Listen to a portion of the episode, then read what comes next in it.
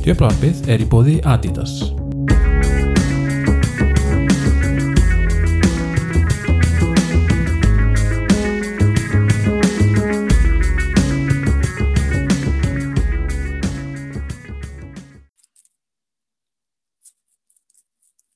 Velkomin í 84. þátt á Djöflavarpinu. Með mér í þettunum kvöldi er Daniel Sælir, og Þorsteinn Já, blessaður. og síðast en ekki síst Björn Friðger Hvort kvöld. og ég heiti Maggi og við ætlum að byrja því að taka svitt á leikjaumfjöldum og hérna það er spurning bjössi hvort við stökkum bara beint í Vestbrunns Albjón í deildinni. Þú varst á skýsluvægt í þeim leik. Þetta var svolítið erfið. Hérna, ég er endar hort á leikinn og eins og næstu öll önnur sem voru að horfa á leikinn döð fúli yfir leiknum. En hérna, svo hér maður á Twitter eins og maður gerir og, og hugsaði þess að og ég var orðin sáttari daginn eftir. Sko. Þetta var óbóðslegt streð og það fjall náttúrulega, sko í raun og veru það fjall eiginlega ekkert allt og mikið með okkur. Þetta var svona típisku leikur sko ef að þetta hefði farið inn og ef að þessi hefði verið sko aðeins betri og, og ef það hefði verið dæmt á dæmt vitið þannig að næstum því eða því sem næst brótið á Marshall þá sko hefði verið komið mark og þá hefði verið komið fleiri mörg og svona Þannig að þetta var, sko, þetta var ekki frábær leikur, ég ætla ekki að, að, sveiflast yfir í það, en, en hérna, þetta var ekki alveg slengt og, og, og manni fannst þegar að, hérna, þegar maður var að horfa á leikin. Það er náttúrulega, uh, sko, víti var náttúrulega engin spurning og, og endurtekningan á vítinum var engin spurning, en hérna, en sko, Sam Johnson tók náttúrulega bara, veist, halv, eins og það er sagt, sko, þetta heitir að taka Brad Friedel.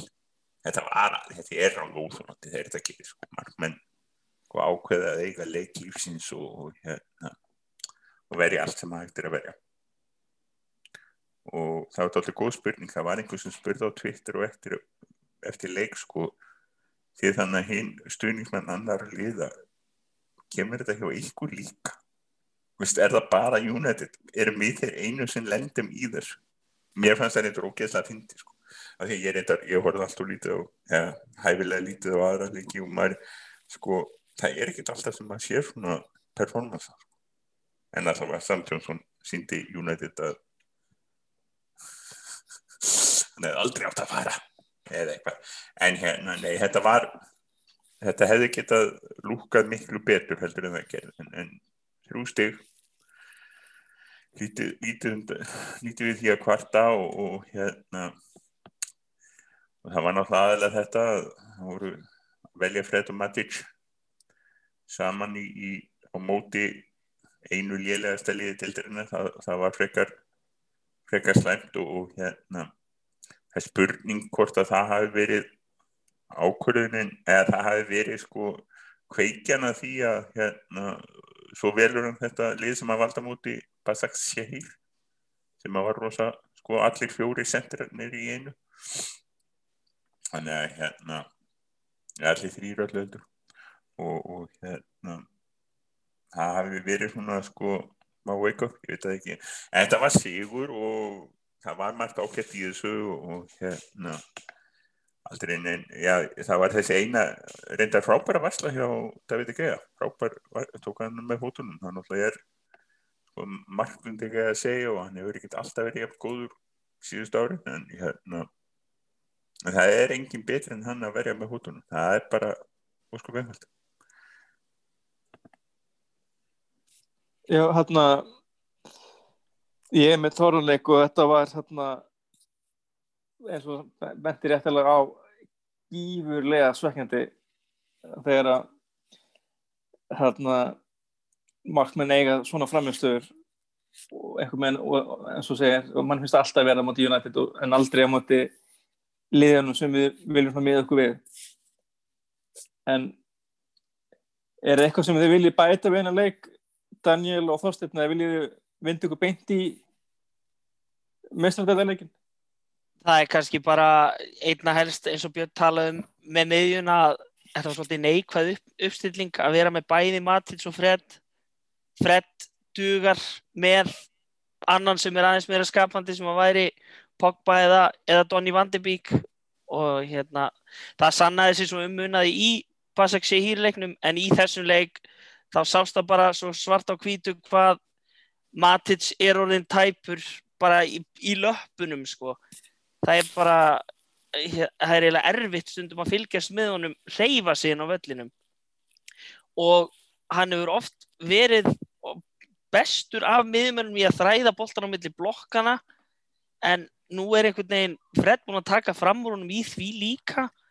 Og Fred, yfirferðin á Fred er þannig að hann sko, ég ætla ekki að bera hann sama við kanti en það eru, það er alveg líkindið aðna, sérstaklega þegar hann er að vinna boltan Þannig að ég bara, ég, bara í þessum leikjum 100% verið með betri fótbolltamann við hliðin á Fred til þess að geta skapað eitthvað eða komið boltanum á þessa hættulegu leikmenn sem við höfum í Bruno og Marcus Rashford og Martial. Martial sem reyndar hefur ekki, ekki átt sjötaðan að sæla fyrir frámarki, greiði kallin. Var jákað sem ég tók út úr leiknum það var, þetta var náttúrulega fyrsti leiku Terles í, í Premier League, bara fyrsti leikurinn eftir COVID hjá honum. Að hann og Rashford þeir voru að tengja. Það er ekkert það er ekkert alveg sjálfsagt þótt þetta sé náttúrulega slagur móteri sem lág helviti aftalega en þá, það er svona jákvæða sem ég sá út úr þessum leik út af eins og það er búið að koma inn og var þetta helviti neikvægt allt í kringum hennar leik og bara eitthvað 1-0 viti eitthvað.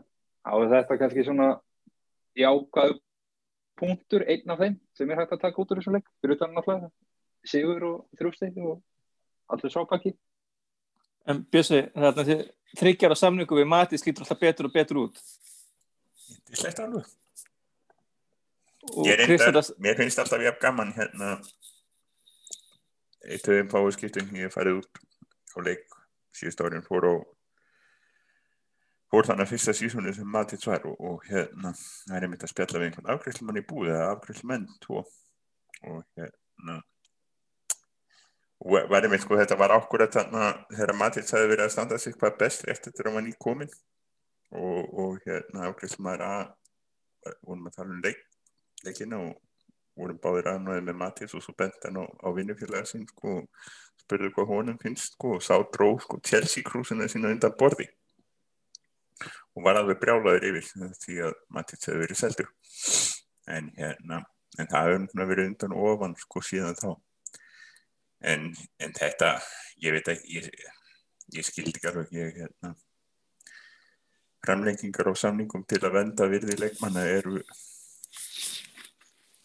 það er bara líkuð rannsóknu efni og, örglega efni eftir þá rannsóknu líkuð efni í hálf podcast eða svo en, hérna nei, þetta ég held að nefndist ekki. Það verður sko það verður, það verður magna ef hann verður að þá hjá United sko eftir næsta sísón ég vil ekki eftir þetta. Nei, vissulega og hérna en svo sem ekki mikið meir við hérna, þennan leika bæta en, en það var áhugavert að í byrjunliðinu einmitt gegn Vestmannsöflum voru með Fred, Matic og Mata, eða, Mata og Matic eiga bara ekki að spila sjá, á sama tíma. Þannig að þetta eru tver hægustu leikmenn í liðinu. Og þó svo að Mata geti haldi boltanum og búið eitthvað til en, en þegar með tvo svona og það er engin reyfing þannig að það var ansi þá fáum við svona leiki 1-0 eða 0-0 leiki í móti ekki betri liðum en Vestmanns Albjörn en vindum okkur að öðru. United fylgdi eftir frábæri byrjun í mestamtildinni með því að tapa útlifelli gegn Istanbul Basaksehir í einni vestu framistu United og einni glórulausustu varnar momentum sem ég sé meistarflokksliði og það, það ekki bara hérna, liðið eins og Manchester United. En það var svona tækifæri til að hefna fyrir ofæðarnar í fyrir fyrir með þeirra fjórðum fyrir fór fram núna á þriðu dagin og þetta var frábær leikur sérstaklega því litin til að að móteri var raunin ekki betri heldur en raunbar vitni það, það, það, ég held að það sé eina ástæð fyrir að Fred og Vandibík meðan hérna gekk svona nokkur veginn. En, en þegar við horfum hérna eins og í setni halvleiknum að þá óðu er yfir bara mið, miðuna hjá okkur. Og reynda var búið að gera nokkur skipningar en, en svona þetta er eitthvað, þú veist, verður betrilegum þá hefðu við sennilega fengið okkur fleiri en þetta eina mark sem við fengum á okkur. En ljósi punktarnir í leiknum og náttúrulega voru David ekki að vartu fína leik. Og ég er svona ég veit ekki alveg hvort maður kenni honum um þetta mark þetta var bara vel tekinu aukarspilna og hann var ekki langt frá því verið hann bara var hendan og hans aftalega þegar hann var þann Donny Van de Beek átti fína leik og hann kemur í og hann er flottur flottur spilari. Alex Telles var frábær. Talum að fylgja eftir svona ágættir byrjun hérna í deildinni en hann átti þátt í að fyrsta tvei mörgum liðsins. Og, og það var enda mér finnst að náttúrulega þetta er í meðstæðandeildinu að það náttúrulega eru fleiri varamenn á bekknum og, og náttúrulega fleiri skiptinga leiðar en United ákvaði hérna svona í tilunni dagsins að vera með tvo varamennum á bekknum en hvorðu er að var Sergio Romero? Greiði kallin en svo ég hérna gefum kannski bara boltan á þig þósteð hver svona, að þínum að þið var svona, besti leikmaður United í leiknum? Um, það mér fannst að Bruno var náttúrulega besti leikmaður leiksins að mínum að þið hann náttúrulega endaði með tvö mörg og bara eins og vanalega var allt í öllu í sóknarleiknum. Eins og bara hann er með núna bara síðan síðast Ístabúrleikur var þá í síðustu þrejum leikjum er hann komið með held í fimm mörg og eina að tvær stóðsendinga með því. Og það er þokkalegt, hann er ákveðis rönni. Já, hann er náttúrulega bara búin að vera rönni síðan kom. En mér fannst líka ég uppliði leikinn daldi þannig að þeir koma inn í leikinn og eru svona þeir ætla að gera þetta, veist, að hafa gaman frekar að það væri einhver pressa á þeim veist, þetta, þetta var mun verið, þetta var léttleikandi annað en, eins og var hann í byrjun það Rashford tekur hann á sprettinu og er komið bara hann einni gegn eftir eina mínútu, það er eftir fullt af einhverju tikki takkarspil og þar held ég að Cavani og Van de Beek spili mjög stóra rögglu Cavani nánast alltaf þegar hann, veist, Cavani er bara target center sem hann, hann bara fær bóltan og skilar honum frá sér í fyrstu 1, 2, 3 touch og þá bara er næst að skrifa hlaupa fram og koma sér í svæði og taka hlaup og sem hann var mjög duglur í þessum leik. Og sem hann vandi bík ég sá einhverja staðík með, með því að hann var með 60 sendingar leiknum og 52% af þeim voru í fyrsta og 30% í tveimtötsum þannig að þetta var þetta er svona aðeins öðruvísi fannst mér heldur en oft er þetta búin að vera svona þunglamalegt. Þú veist, reyna að setja á raketunar Marcial klappar alltaf bóltanum mér finnst svona aðeins einhvern veginn öðruvísi flæði heldur en hefur verið já, upp á síkasti Já, hérna talandu einmitt um hérna, Edison Cavani að þarna, svona hans bestu móment í leiknum að mínum að þetta voru hérna þegar hann var ekki með boltan það var hérna plássum sem hann bjóð til bara með því að hlaupa inn í svæði og, og svona en, en mér fannst reynda þegar hann fekk boltan þá oft reyndan eitthvað sem bara, veist, bara hálf glórulegst en svo ég man hann átti hérna var komin á hæri kantin hérna og alltaf gefa hann fyrir en boltin fór okkar lengst út í raskap. Þannig en svona en, en það er vel að finna sko hann átti ágætaleg með svona með það sem, með plásið sem hann gerði fyrir aðra þannig er, það, er ég átt að akka eftir hverju þín skoðan?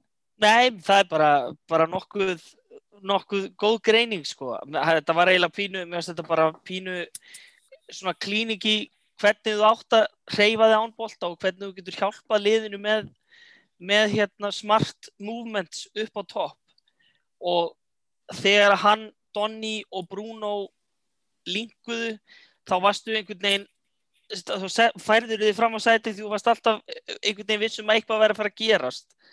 Og það er bara það er unaður að horfa á Donny van de Beek spila fallega leikinn sko af því að hann hann vill helst ekki klappa boltanum of mikið. Hann vill bara halda tempo í leiknum halda flæði og finnur yfirleitt auðveldasta kostin gæjan sem er í bestu stöðunni til þess að bera boltan áfram. Og ég bara eins og ég sagði á hann þetta er bara, þetta er gauri sem á að spila við hliðin og fredd í leikjum þar sem við eigum að stjórna ferðinni. Og við stjórnum ferðinni gjössanlega í fyrir áleik og það var svona kannski svolítið skrítið að mér fannst í upphafi eins og Þorstein sagði að þá kom United augljóslega með því hugafari inn í leikin að hafa gaman að leiknum og reyna að skapa eitthvað sem þeir gerðu bara samstundis. En að samanskapi fannst mér sko Basaksi hér vera algjörlega út á þekju í sínu upplegi ég skildi ekkert af hverju þeir voru svona galopnir. Það, það var það sem að mér fannst einhvern veginn skrítnast það var eins og þeir ætluðu bara pound for pound að mæta United. Kannski pínu kokki eftir sigurinn í Tyrklandi en, en það var ekki beinlega sem þeir hefðu verið með 80% possession og fengið hvert auðafærið að fættur öðru. Þannig að þetta, þetta var svona pínu spes en svo má líka gefa Marcial kredit sem að ég er búin að vera frekar harðu við undanfærið að hann hann eiginlega smurði Rafael stundum á rista brauð sko. Hann bara sér stundum á hann út á kantinum. En óöfina skor ekki. En þetta bara stá bara flottur flottur fyrir áleikur og um, áðurna skiptingarnar allar kom, komu inn því að eftir það þá var hann kannski ekki alveg það var ekki alveg sama húlum hæð Nei, þú, þú komst þetta með áhugaður um punktfans mér með Basik Sýr og náttúrulega Demba Basin náttúrulega skoraði fræga markið hérna fyrir viðrögninni og átti alveg skelvunarleik að bara eitthvað ekkert sem er gekk upp hjá hann en, hérna, en þú talaði hérna um upplegið að, að við, það, við höfum séð það í leikim þegar liður mæta United og með pressu og ákjæð og þá náttúrulega höndlar liðið ekki jafnvel og það, en þetta kannski líka sína svolítið hvað gerir, getur gæst ef liðin reyna að pressa United og gera það illa Algjörlega. Og, og, Algjörlega. og, og ég vil ekki rekna með vandi bíka því að, að náttúrulega eins og segir sko, eins og kom inn á var hérna þóstið að hann með hérna eina til tvær snertingar á boltan mest og svo bara þannig að það er líka eins og þessi pressa hjá veist, við fáum víti út úr því að þeir setja pressa okkur úr einhverju markspinnu og Lindelöf bara loppar honum yfir veist, bara inn á þeirra eh, vallarhelming og, og þetta var ekki krefjandi sending út í þessi, það var bara rasvöld ykkur rétt hlaup og það var bara einn í gegn eftir, ég veit ekki hvað, 20 mínutur og þeir ætluði að pressa okkur alveg í spað það, veist, það var til dæmis mjög einfalt mark að fá. 100% og það líka sko, það er svo góður plattform til þess að byggja á. Ef að við getum farið að stýra leikjum og baka leiki þar sem að liðin liggja samt niðri. Ef við förum að finna glöfunar og finna uppstillinguna sem virkar á móti þessum lágublokka liðum því að þetta er þetta er hérna svo auðvelt fyrir liðið.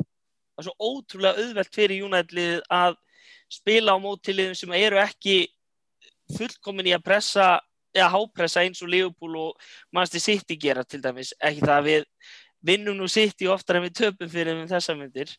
Að hérna ef við finnum formúluna gegn þessum low block liðum þá, þá er ég bara rosalega bjart sín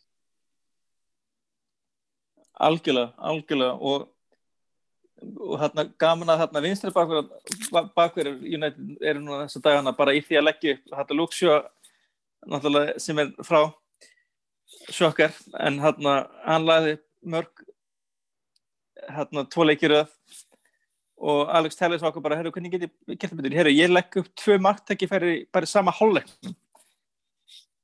Og hérna mér fannst hann bara stórkvæmsluður og ég hérna og þetta, er, og þetta er Alex Telles sem er ekki í leikformi notabenni þannig að það er bara og hann spila hætti eitthvað mínótu með brasilíska landsliðinu. Það var alveg 100% þess verði að hann færi ferðarlegu og sótt kvíja svona til að spila 50 sekundir hann láta það líka millir hluta. Það voru líka alvöru neglur hjá honum alltaf inn í tegin. Hann þetta voru hugaður að skalla þetta sko. Já, sérstaklega með alltaf umræðan sem er búin að vera gangi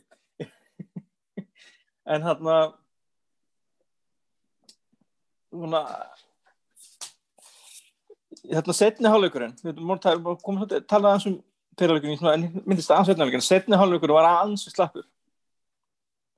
Og við erum að tala um hérna skiptingu sem kemur hérna þegar held ég hvað 15 myndir eitthvað álega til leiksloka. Að Matic kemur inn á til að bjerga því að, að þeir ná ekki saksa hressilega og þarna eru að tala um stuðuna 3-1 og hérna eins og segi, betra lið eða þið skorað fleiri mörg og eða Dembaba í einhverju einhvers konar stuði hefði allan að skora eitt eða ekki tvö.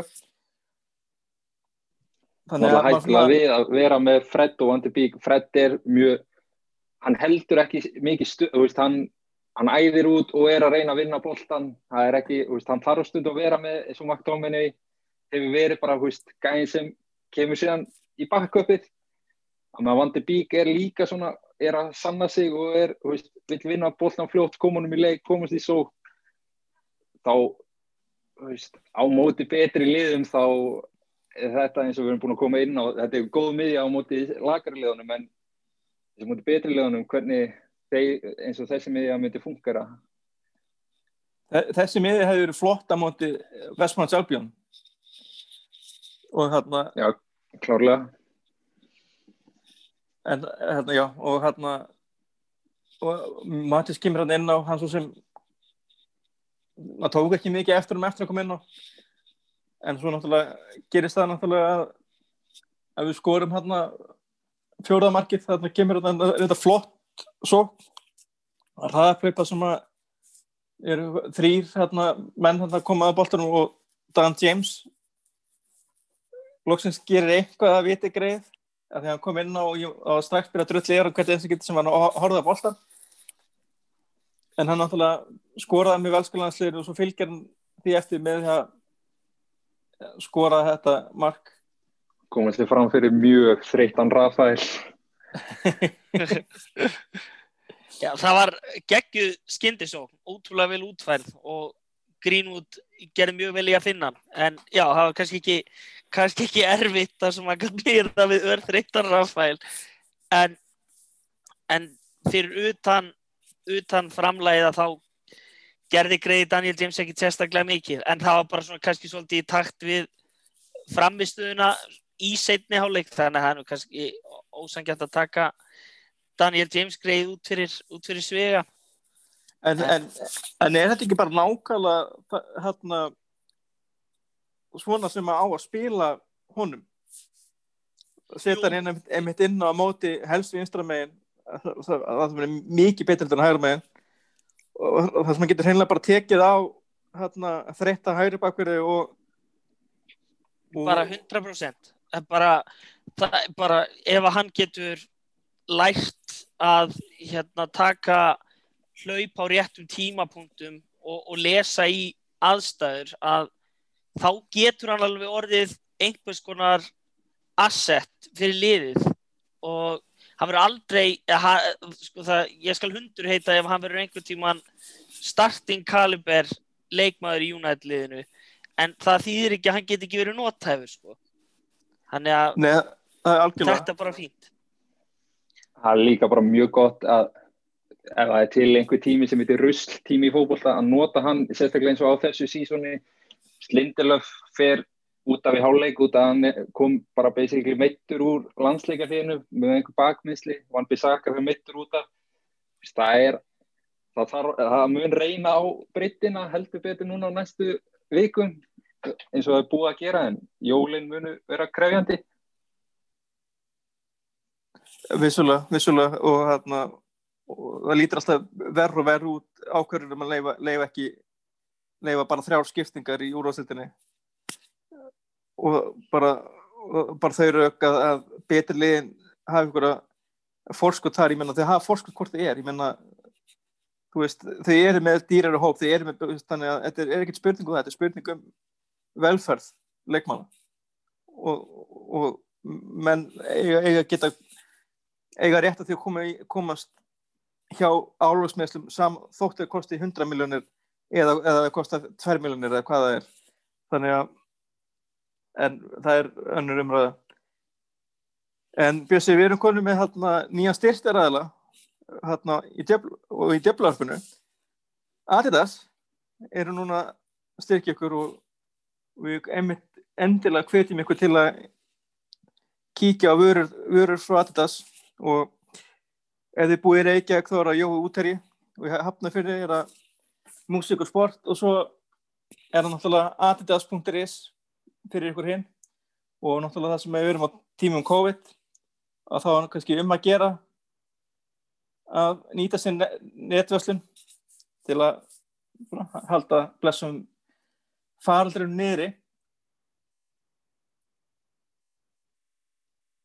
En skellum okkur í fréttir.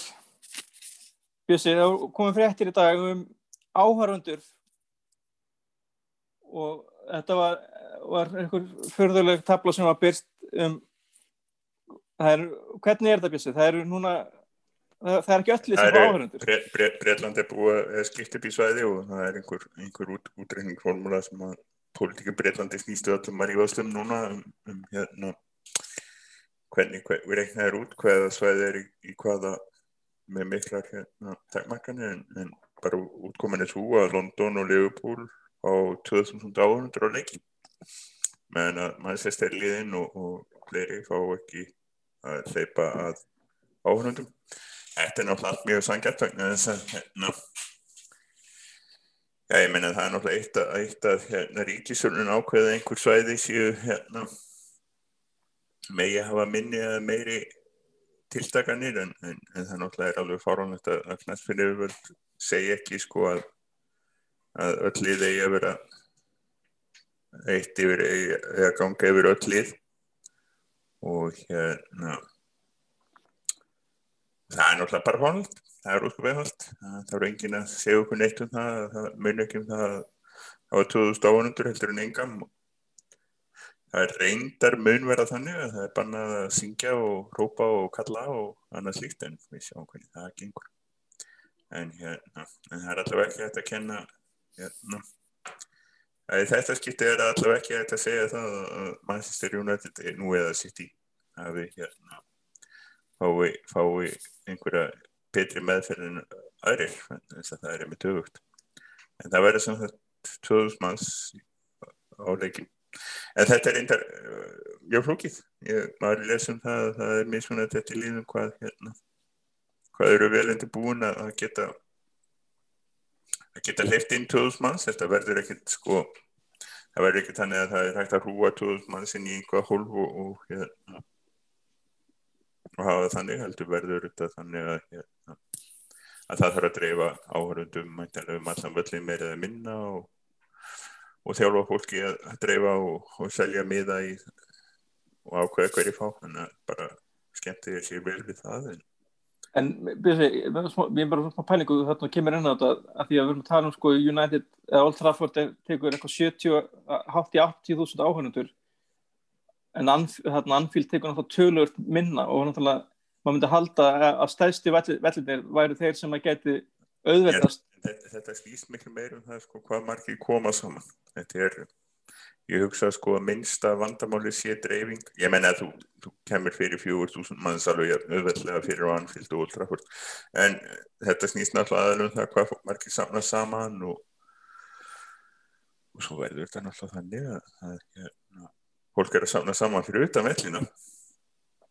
Þannig að þetta er við sjáum til það er hérna Ég, ég Er ekki- er verður ekki að sko að pólitíst skilja þetta ekki og sóttfræðilega skilja þetta ekki sko breyta Nei, svo, svo, það sem gerir það meina frústrætti er að svona, miða við það sem hann sé á Twitter þá verður þetta að vera svona pólitísk ákvörðun að sé hreinlega verið að refsa Manchester út af einhverju hérna, sem ég, eða fyrir óa mína launagráðu. Já, já, þetta er þetta er náttúrulega pólitíkin í Breitlandi er, er hún er stórhrítin og, hún er mjög pólitísk og þetta er allt mjög pólitísk en, en ef það ætlar að spyrja mig sko þá skil ég ekki alveg sko hvernig Breitland er basically allt í búið að vera í lockdown núna, það er ekkert batnað neitt rosalega ástandið undanfarið og þeir séu komnir í þetta þryggja þrepa system sem þeir eru aftur komnir í og uh, það er samt bannað að hittast en, en svo sko ætlaði að slaka til um jólin og leifa þremur fjölskyldum að hittast en svo með allt í nú sko mæta fjögur þúsund manns á völlinu og, og ég veit ekki um ykkur en haldið þið að það mæti 2000 manns á Anfield eða eða hérna Emirates eða, eða hérna eða, eða Tottenham Hotspur Stadium? Og mann sé ekki að mingla fyrir utan og innan og svona hvernig Ég skildi ekki, ég menna bara verðið maður því og, og hérna vonandi gengur þetta allt vel og stórslýsa löst. Ég skildi ekki að því. Nei, algjörlega og Breitlandi er bara búið að vera í rukkunni bara nánast allan tíman og svona bara að við erum að tala um hérna Ísland e, þú veist, þá var bara tímur að flytta af og en er ekki sæðin peningurinn í þessu og þarna úti en svona, við höfum verið að handla hana fartum ekki betur þetta er að breyta breyta þetta algjörlega rugglinu og svo fara að fára þetta að segja, já, við erum til að taka áhund og leiki en það, þú veist, en að en hérna vinnir þarna, þarna þá getur ekki mætti vinna og fær ekki borga en, en þú getur mætti á fókbaltaleik en þú mætti á fókbaltaleik, þú mátt ekki syngja, þú mátt ekki kalla þú mátt ekki tala við neitt en þú mátt setja og þegja og horfa þetta, ég veit ekki, mér hérna Þetta verður bara svo að mæta á góðan æfingarleiki í eilsvöllinni Þetta verður að horfa á golf. Já. Það má Spurning hvort það er taki af stuðnismannarhljóðin í sport hef, hef, hefur þú séð sko, hefur þú séð golfáhuga menn þegar rættirinn er í, er í bandaríkunum? ég, ég, ég get lofa því ég hef, hef ekki það. Nei, er, ég get alveg lofa því að þeir, þeir að, þó að breyta sér hæfeskir og oft kurtesir á vellinu, þá er, er að rættirinn í bandaríkunum, þá er, þá er allt gefið, ekkert gefið eftir. Nei, það er líka fínt að sé einhver staðar hérna sem maður leggist ekki á bakið og með maðan upp hérna á móti Ameríku, þannig að það taka út all, allar sína frústrasjón í, golfinu. Sko, það eru, eru bandarísku áhörnundunum sem þykja örlítið of hérna, lifandi. Ah. Nú, ég, það, það, því er, er þetta trú. En hérna, en á öðru, það kom í gerð sorgarfettir fyrir knastbyrnu heiminn og, og knastbyrnu aðdóndur en Diego Armando Maradona lést fyrir hjartafall og hann var nýbúinn að vera í lækningsfjöld við hvað bjössið var blóðtappi Alveg, hann var með blóðtapp hann, var hjartafall sem að dróða til döða en hann hafði fengið blóðtappi heila um daginn og farið að gera og það hann var, maður hefur heilt einhverja fréttir og maður leti ekki eftir því maður hefur heilt einhverja fréttir og maður leti fyrir hverjum út eftir það það er nú margt um Maradona að segja utan allar en ekki hann hefur kannski alltaf hugsað vel um heilsuna en, en 60 er náttúrulega engin aldur sem við sem erum komin á 60 aldur og hérna þetta er náttúrulega uh, allar, allar helstu fyrirsegnir og, og, og blada, blada fórsýður hafa verið undilaðar á þessu eðlilega enda. Já, ég menna að þetta er óskup, þetta er óskup einfalt, sko, það er, það er hægt að tala um það hver var bestur í heilu podcastunum, en, en fyrir mér er þetta óskup einfalt. Það hefur enginn verið betri en Maradona. Þú getur talað um það hver eru jafngóður, það hefur enginn verið betri.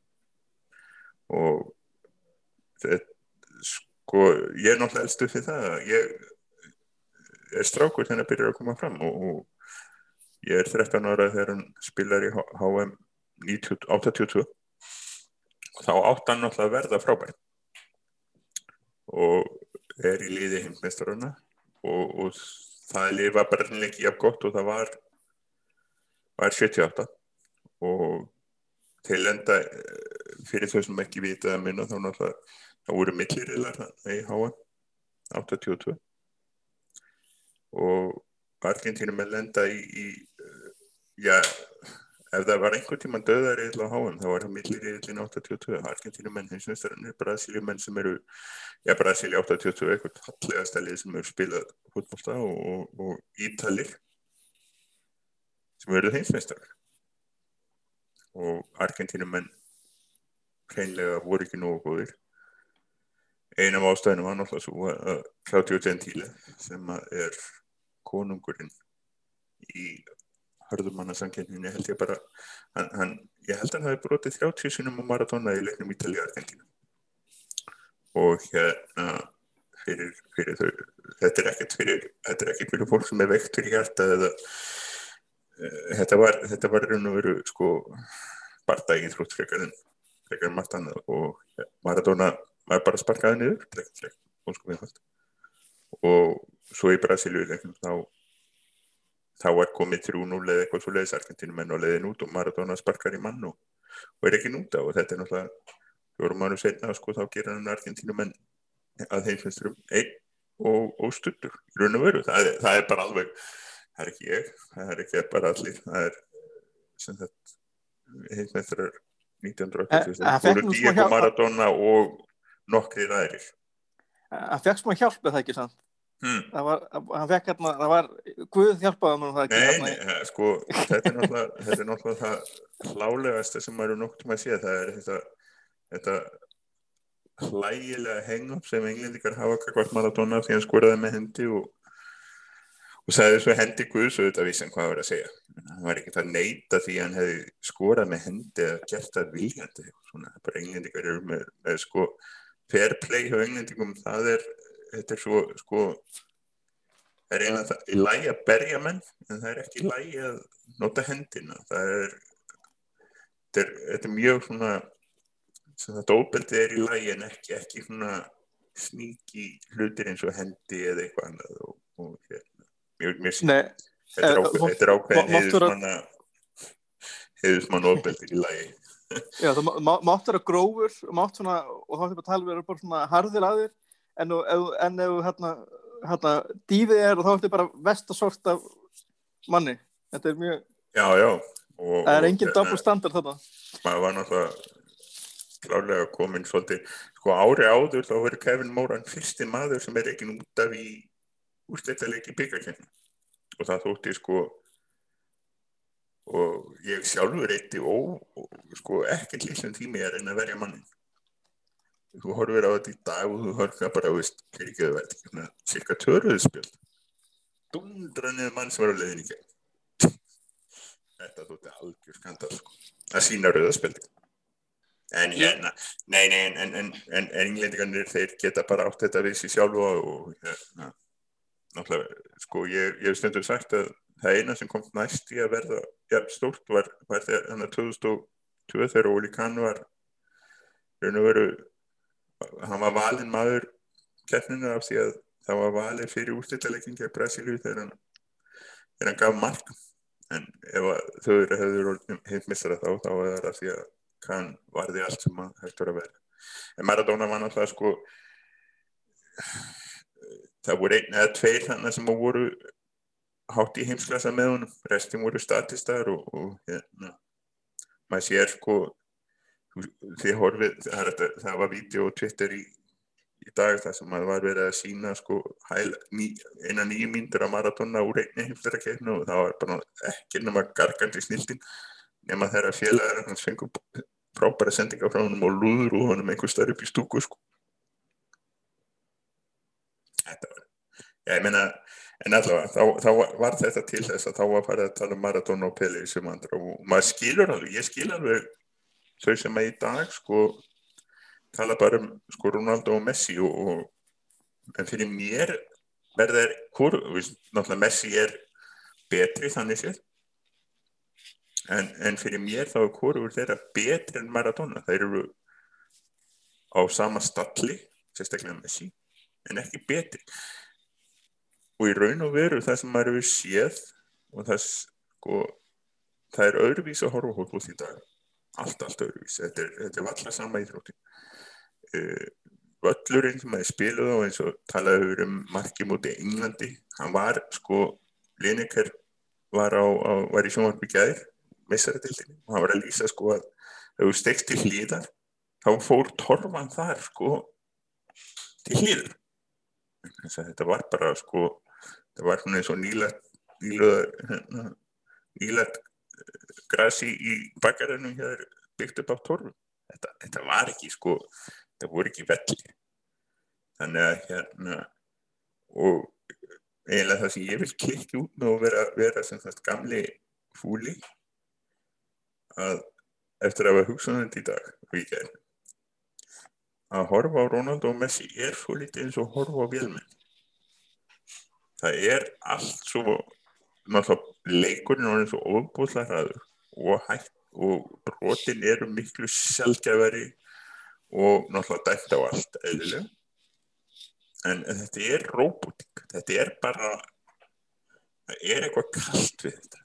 Maradona. Það er alveg þessi Maradona hann, hann mætti bara út á völl kortir í fyrir leik helt á lofti, tók eitt viti og hann bara átti leikin eftir það. Meirna lokka og hálsmennið og þetta var bara algjör töffari. Á meðan þú lítir ekki kannski alveg sömu augum á hinn að hann, hann kemur líka bara úr engu einhvern veginn og hann, já frábær leikmaður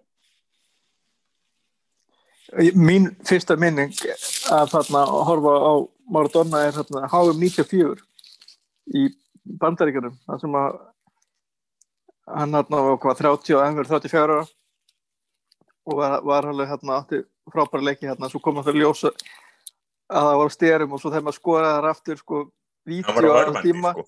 hann var á örfandi þegar hann kemur hérna að vera fagna þá semur bara svona, svona aggressífur í honum, hann bara, bara gjössalega styrlaðar af lifjum sko. En en ég, samfélag, ég held að sé eitt svo leik, leikmann sem er svona skemmtilega eftir að horfa á. Og hérna og ég held ekki að sko, munir er kannski líka svona á húnum og eins og þú segir hérna Messi og, og Ronaldo hérna maður hefur tilfenguna að Maradona hafi haft meira gaman en, ég, ég veit ekki hvað það Kristján Ronaldo finnst gaman í fókbalta hún er svo geðslega gaman að skora. Hún er gaman að skora en ég veit ekki svona en, veist, en það er alltaf búin að hann er sjúklega sko svona competitive. En ég veit ekki hvað hann sko, sko elski fókbalta og hérna og, og ekki, ekki jafn ekki Messi en jafnvel sko það er alltaf rosalega ábyrð alltaf Messi bara búin að vera að bera þetta Barcelona-lið á bakinu núna í 14 ára eða eitthvað. En alltaf sko, nei það er alltaf bara getur náttúrulega ég, hérna, Sami var að ringja og sko það er náttúrulega Messi er í félagslega að spila í liði sko sem mann, veist 2008 til 2012 hefur aldrei verið til betra félagslega basic hann alltaf síðustu 2-3 árin hefur hann vissulega verið með á alla á bakkinu og þá sést líka hvað hann sko þetta er náttúrulega það er svo erfitt að bera saman sko þessi tímabill þetta er svo öðruvísi en Maradona basically hann, hann tekur Argentina á baki og gerur það hinsmestrum hann fyrir Napoli sem hefur korki fyrir síðan geta neitt. Er sko á endanum voru konum með smá pening og voru konum með menni svo Alma og Careca. 90 þegar verða mestra 90 en hann bara basically fyrir til Napoli og gerur það á mestrum upp úr anskotan ekki neinu. Á sko dæet það sem að sko eins og hrektir og sagt var í myndinni. Sunnudöðleikur í seria sunnudagskvöld til, til sko miðugdagsmorguns kókæn miðugdagur til lögadags detox og smá, smá sko mæting og æfingar. Sunnudagur leikur í seria ég meina sko prófaði að veist, taka Messi eða Ronaldo á þetta mataræði en mataræði skildi kalla. Veist. Þú veist bara hérna, Það er til yngar eftirbreyknu, þetta er fáránlega sko. En- en- við, tök, við tökum fram, við erum ekki hvetið fólk til að uh, prófa Don't kókain do drugs, kids. Eh, og ekki hvorki börn ég fullorðin að þetta að vera hérna á, á kafi í kokaini sko, eða koma nála til yfir. En þetta er náttúrulega sko, þetta er svo gali, þetta var svo styrla. Á meðan að sko Messi og sérstaklega náttúrulega Ronaldo sem hann sko hefur haft sko hefur fáir ef nokkur einhvern tíman verið með jafn sko ef að kalla það þráhyggju gaf ekki að vera góður í fótbolta. Meðan að Maradona sko hann hafði engar áhyggjur af þessu. Hann bara var knæspilumöður og hann spilaði fótbolta. Og hann hann var bara, hann var bara góður það var ekki svo ég, ég, hann náttúrulega æfir, hann náttúrulega spilar sko, hann, hann byrjar að spila 16 ára með Argentínus og svo fer hann í bóka og hann er að spila sko eins og ég bóka er hann að spila endalust ekki alveg ósvipa pili sko það er endalust af einhverjum vináttuleikjum og peningaleikjum og eitthvað það er mikil að veit Barcelona sko eh, 84 hann er að spila endalust sko. Það er náttúrulega það sem hann gerir hann spilar fótbolta. Og hérna en þetta er sko, ég er, ég er alltaf til ég við ekki sko hvað þetta er það er ekkert sko það er ekkert leiðilegt að horfa á fótbolt í dag sko. Það er ekkert leiðilegt að horfa á Ronaldo eða Messi vera frábæra. En þetta er tímabil þegar að basically sko ég meina hérna uppi við, maður sá einhverja markasirpur eitthvað, svona, þú veist, það voru beint úr ennsku þýsku og maður sá sko það, maður sá ekki Barcelona spila. Maður sá ekki Napoli spila fyrir en undir lokin á þessu þegar stötu og svona var komin þarna kannski 87-8 sem þetta byrja svo kemur Maradona svo kemur Háa, þá sér maður þetta. Þá sér maður leikmenn. Maradona, þá er ekki surprise. Maður farið surprise, alls konar leikmenn sem maður hefði ekki hitt um, eru frábæri og hérna þetta er bara svo allt öðru í tímabil. En fyrir mér eiginlega sko bottom line það hefur sko Erik Cantona postaði Instagram í dag.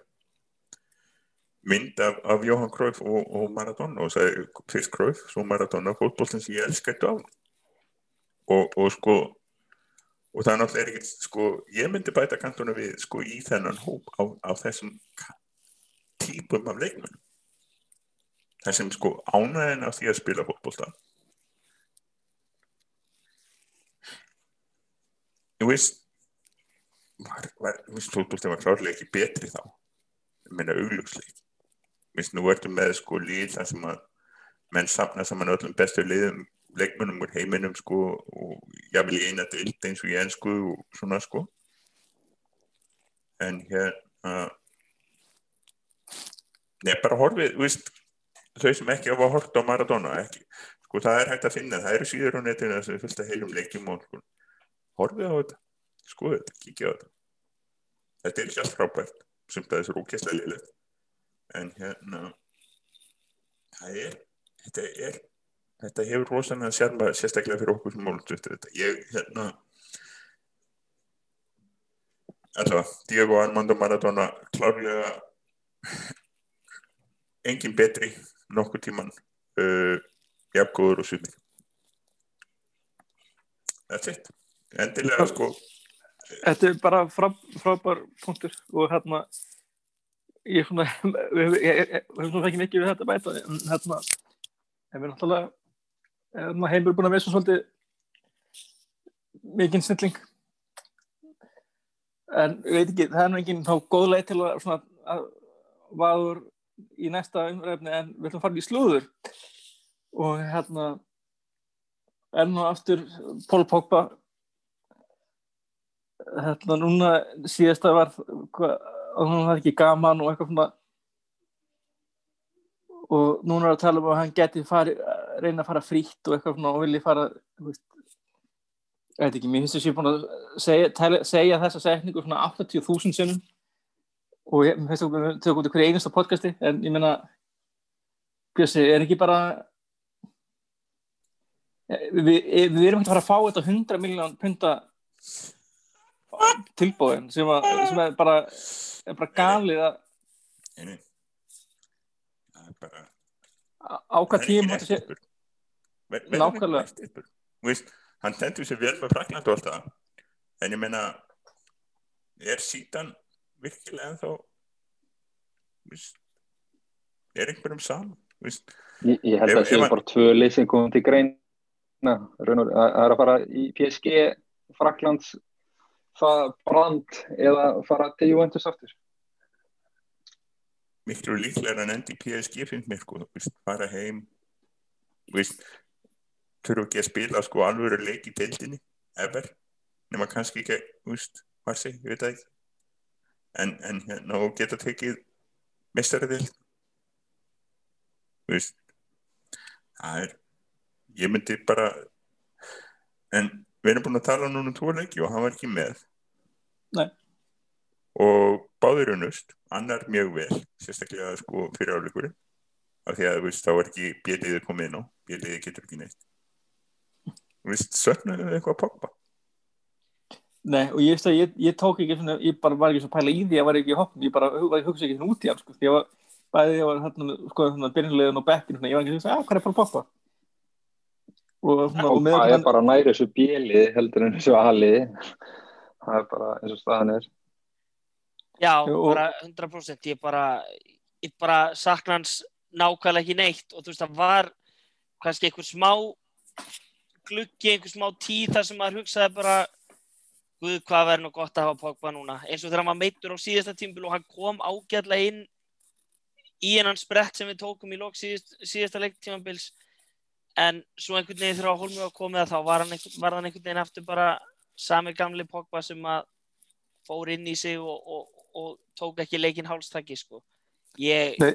bara ef kassja inn á honum næsta sumar og bara takk fyrir, takk fyrir árin þú stóðst þig upp og ofan og ekkert, e, ég hef ekkert ekkert slæmt um Pogba að segja sem, sem karakter eins og svo ógeðslega margir það er að segja karakter utanvallar finnst bara fínt að hann honum finnst gaman að njóta lífsins en inn á vellinu þá bara hefur hann ekki skilað því sem að ég vonaðist eftir árið 2016 að yrði raunin. Nei, og líka, minnst líka, að- það sem er svo áhugart með Pól Pogba er þegar það gengur vel og það er gaman og þá er spilar hann vel, en ef honum leiðist eitthvað og er eitthvað, þá bara eitthvað með, þá getur hann ekkert og þetta er eitthvað með og svo við höfum alltaf vonst til að hann væri eitthvað leiðtója því að hann eitthvað hann kallaði eitthvað í einhverjum landslýsleik með frökkum en ég menna, erum við ekki bara að tala um það að Vandi Bík er bara fyrir, eins og staðan er þetta betri leikma fyrir Mandisjóla heldur en Pól Pogba? Jú, það bara hendar hendar því sem þeir eru að gera betur. Spila meira fyrir liðið. Hann er tilbúin að fórna sínum leik það er að segja því sumi sem hann er rosalega góður í til þess að liðið tikki og það er bara það, þú færð ekki, þú getur ekki fengið mikið betri liðsmann en það. Nei og svo finnst mér líka alltaf að tala um sko að, Pogba leiðist og, og eitthvað bla bla bla með hann er fullari maður þú veist.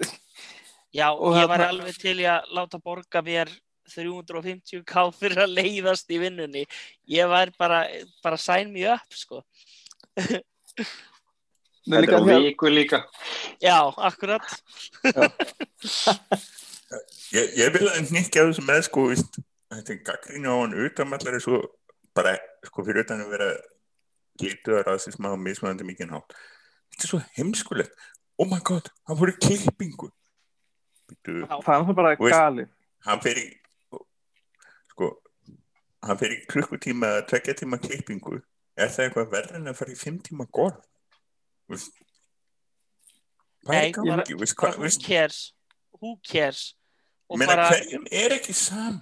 einmitt, og bara, og bara eins bara með, þú veist, Hvað var þessi umræðan Dave undirbúningsklefanum- Beckham sem var alltaf með nýjan stíl og fólk var þessi bara allt í lagi Að samanskapi var David Beckham sennilega, Það er með lita hár og svona eitthvað, það er eitthvað, það er munstur í hárinu af því að, hann var komið strípur var snóðaður og hann var allir komið sítt þetta ár og svo eitthvað, veist, er sko, bara en að samanskapi er David Beckham, var David Hvít- Beckham alltaf hardest working leikmaður í liðinu. nema náttúrulega þegar hann fekk sér, sko, þegar hann fekk sér, hérna, Móikanan og, hérna, Hann var rosalegur. Ferguson á hann í fimm mínútur eða- eða svo og hérna hann fór og rækkaði sig Var ekki það sem að mætti krúnurækkaður hérna? Jó, hann sem sagt sko mætti, mætti með að semi litla móikana sinn þannig að gott ef hann ekki sko með húfu svo Ferguson sagði það ekki strax sko og að bara tekinn má störukenni og og okkar maður rækkaði sig Æjæjæ. Þegar Alex var náttúrulega gamli skólinn það er náttúrulega hann Algjörlega, sko.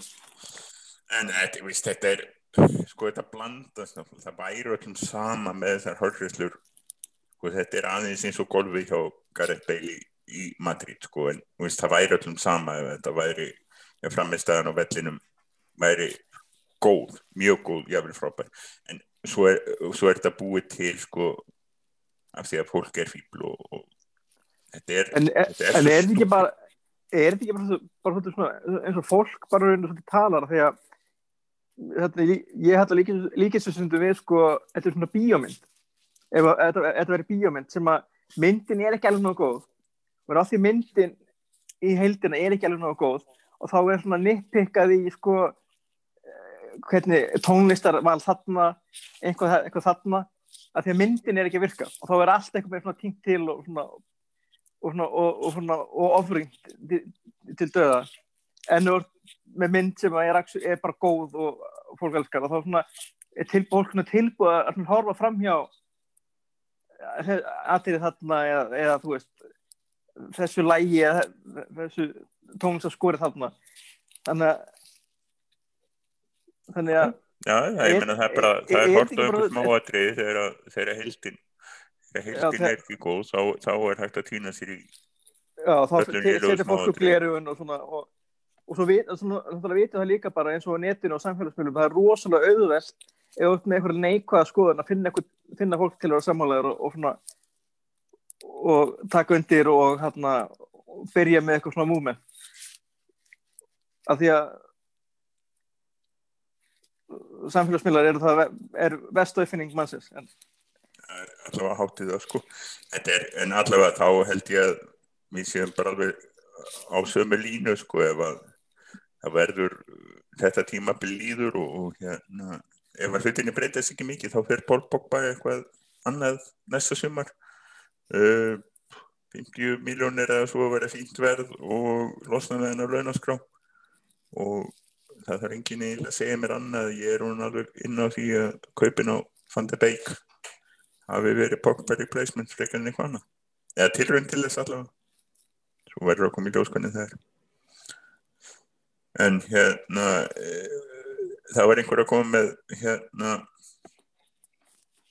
slúður um það að Hakan Kakal Kakal ég byrð alla Tyrkju sem er að hlusta eða Tyrknesk ættaða sem er að hlusta afsökunar en hérna það var, það var eitthvað slúður um, um að United hefði áhuga á hérna eh, Hakan Kahanoglu Kalanoglu frá Mílan sem mun vera á loka ári samnings Nei, leikmann sem eru búið, þetta er reynda samling sem eru orðað í Manchester United, það, það, það gerist aldrei.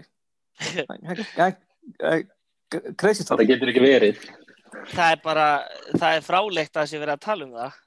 Já, En hann var sem sagt hérna Kristján Falk, þjóðverinn hérna sem er vísna áriðanlegur og hérna margir sem leita til hans á Twitter þegar það er sérstaklega þegar þeir þurfa upplýsingar og, og hérna þurfa orðróma staðfesta frá Þýskalandi og Kaljan Óglu eitti, eitti tíma í Þýskalandi hjá Leverkusen.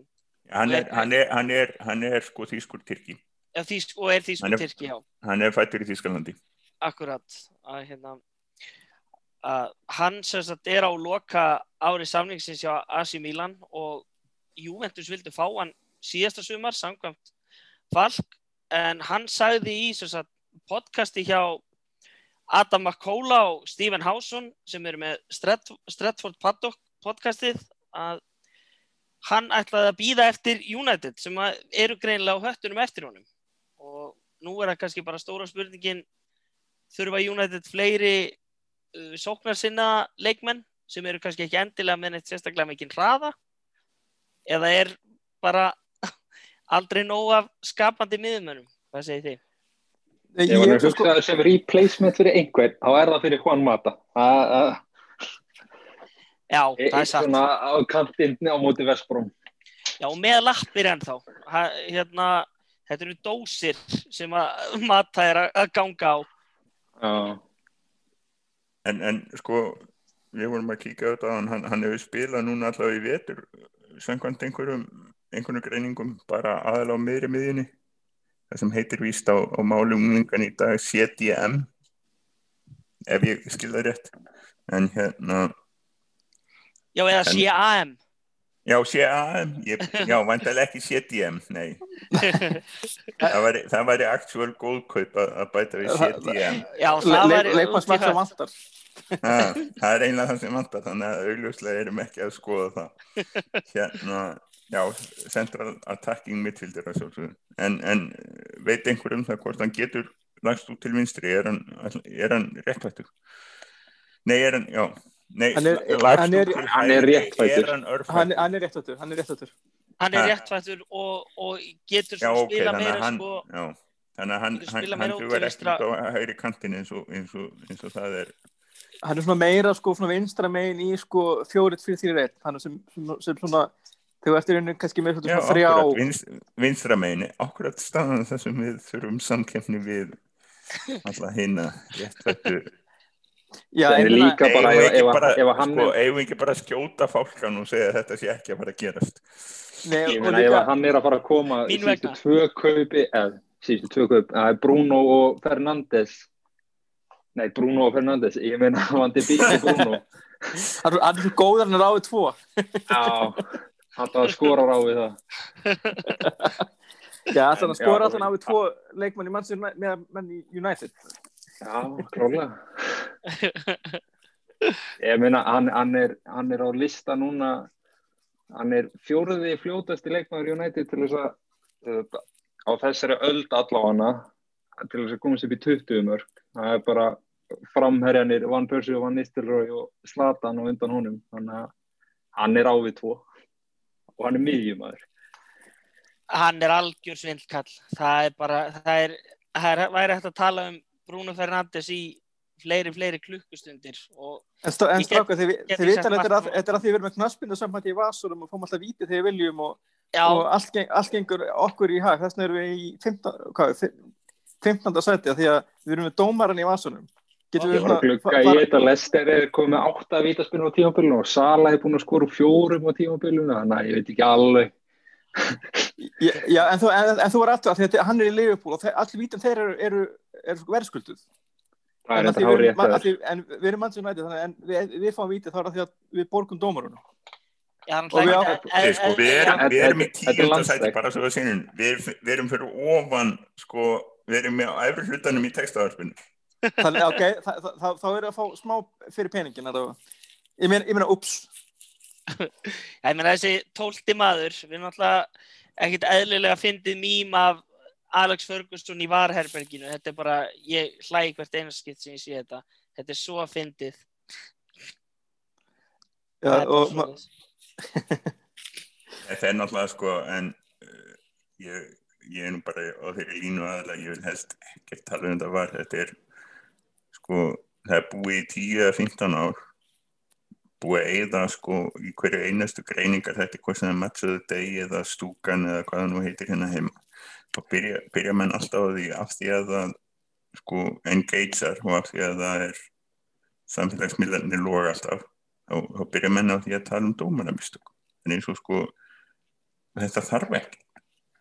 Þetta bara, veist, þetta þar, þarf ekki. Allir menn að útrýma þessu skjali um dómaramistök með því að hafa var? Það er bara komið í ljósa í staðinni talað um var í korti. Já, fyrir þetta, líka dómarinn, en dómarinn eru, eru mörgum til líka að dæma vittlust, þó þeir hafi var að geta hort á aftur, aftur, aftur, aftur.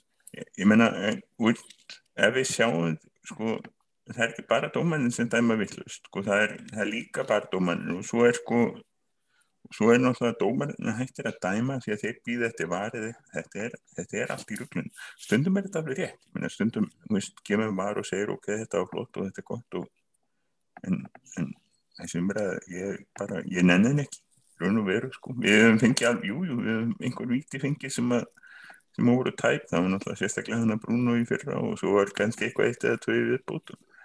Það er náttúrulega Þetta er náttúrulega vandamál er eiginlega þeir fara eiginlega ekki eftir því einni reglu sem þeir setja fyrir sig að þeir nota varið þegar um augljósmistök er um að ræða. Allan í ennska bollanum gera þeir það alls ekki.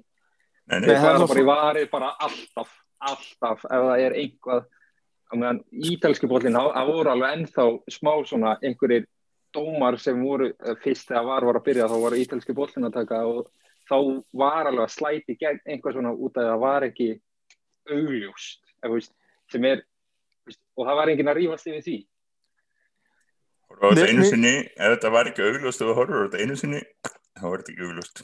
Já, ég algjörlega. veit það ekki, ég menna, ja, en alltaf, E- var- Ef var- dómarinn þarf að horfa þetta í marga mínútur er að stoppa leikinn 2-3 mínútur til að horfa okkar og dæmum svo bara eitthvað galið þá eh, eins og hérna Íslandska landsliði lendi hérna þegar við hengum okkur víti að þau ertu virkilega svona að reyna að sjá eitthvað sem var ekki og, og þetta horf, er ekki hvað hann horfði lengi og, og kom svo að niðurstu ef, að- ef þú sér það ekki strax eða þú fær þú að þessi að víti sem voru þannig um helgina, sko, bæð, víst, Astonvilla fyrst, fyrir um daginn og svo hjá okkur.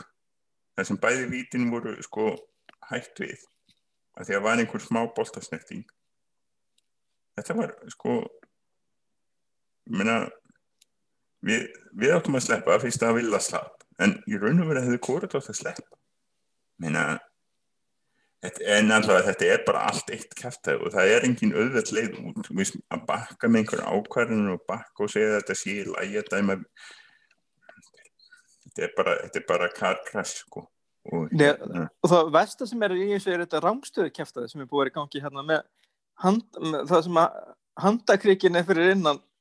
Þetta er gjö- það heimskulegasta sem að maður er að sé sko, maður lýtslendi í það bæði lýts og liðfald er ekki kannski vinalið United en órættlæti er órættlæti þegar það er hann bendir hann inn fyrir hann leikvar lýts og er hann komin í gegn og skorar.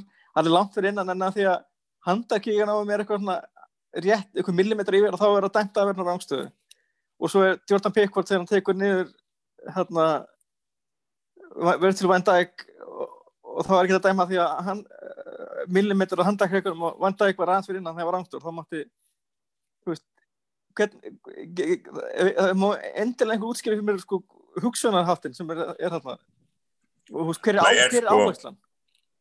þegar þú er komin með það að þú er komin með var þá er sko þetta er okkur þetta er einlega versta sko þetta var það sem það búið að vera að tala um í tíu ár og sína með því að sko frísfreima og segja já sjáðu, sjáðu það munar hann að millimetr hann er rángstæður eða ekki rángstæður ef við værum með sko var þá væri þetta og svo kemur var með línur og svona vegna þess að menn er að reyna að gera þetta annan að fyrst eru konum með þetta og það verður alltaf eitthvað sko. Þetta verður alltaf vegna þess að við erum ekki í sko þetta er ekki tölvuleikur sem þú getur veist, bara spila tilbaka á frí, frísfreim og eitthvað. Og þetta er, þetta er lifandi fólk og, og, og þetta er bara allt kæftæði var ekki eftir að dómarar eru fíbl og hérna bara því fleiri víti sem United fær því betra? Er það ekki bara ágætt loka punktur hérna, ábært punktur. í þessum orðum með þessum orðum viljum, nei. Hérna, við, hérna, United á leik á sunnundaginn þú veist, og þú ert á vaktinni og það er hvað, Sáþóntón Sáhundon uh, klukkan tvö og Sáhundon er búið að vera á bara, þeir töpu fyrstu tveim leikunum á tímabilinu og síðan eru þeir ekki búið að tapa síðan. Þannig að síðustu sjö að búið að gera vinna fimm og gera tvö jafntefli þannig að þeir eru ágætið skriði.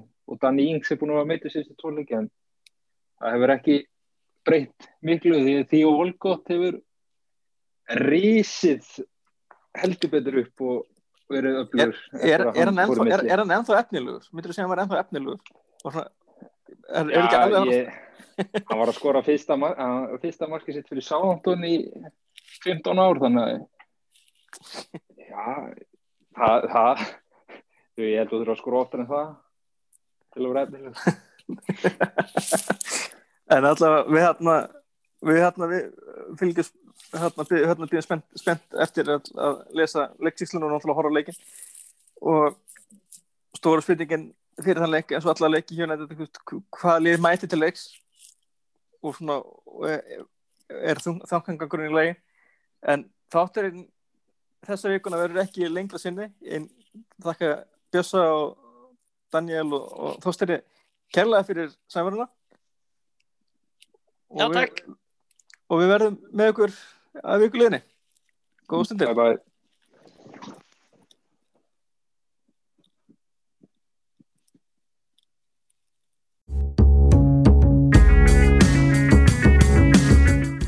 Takk fyrir að hlusta á Djöflavarpið. Þið getur fundið frekari umfjöldun um Manchester United á rauðudjöflarnir.is.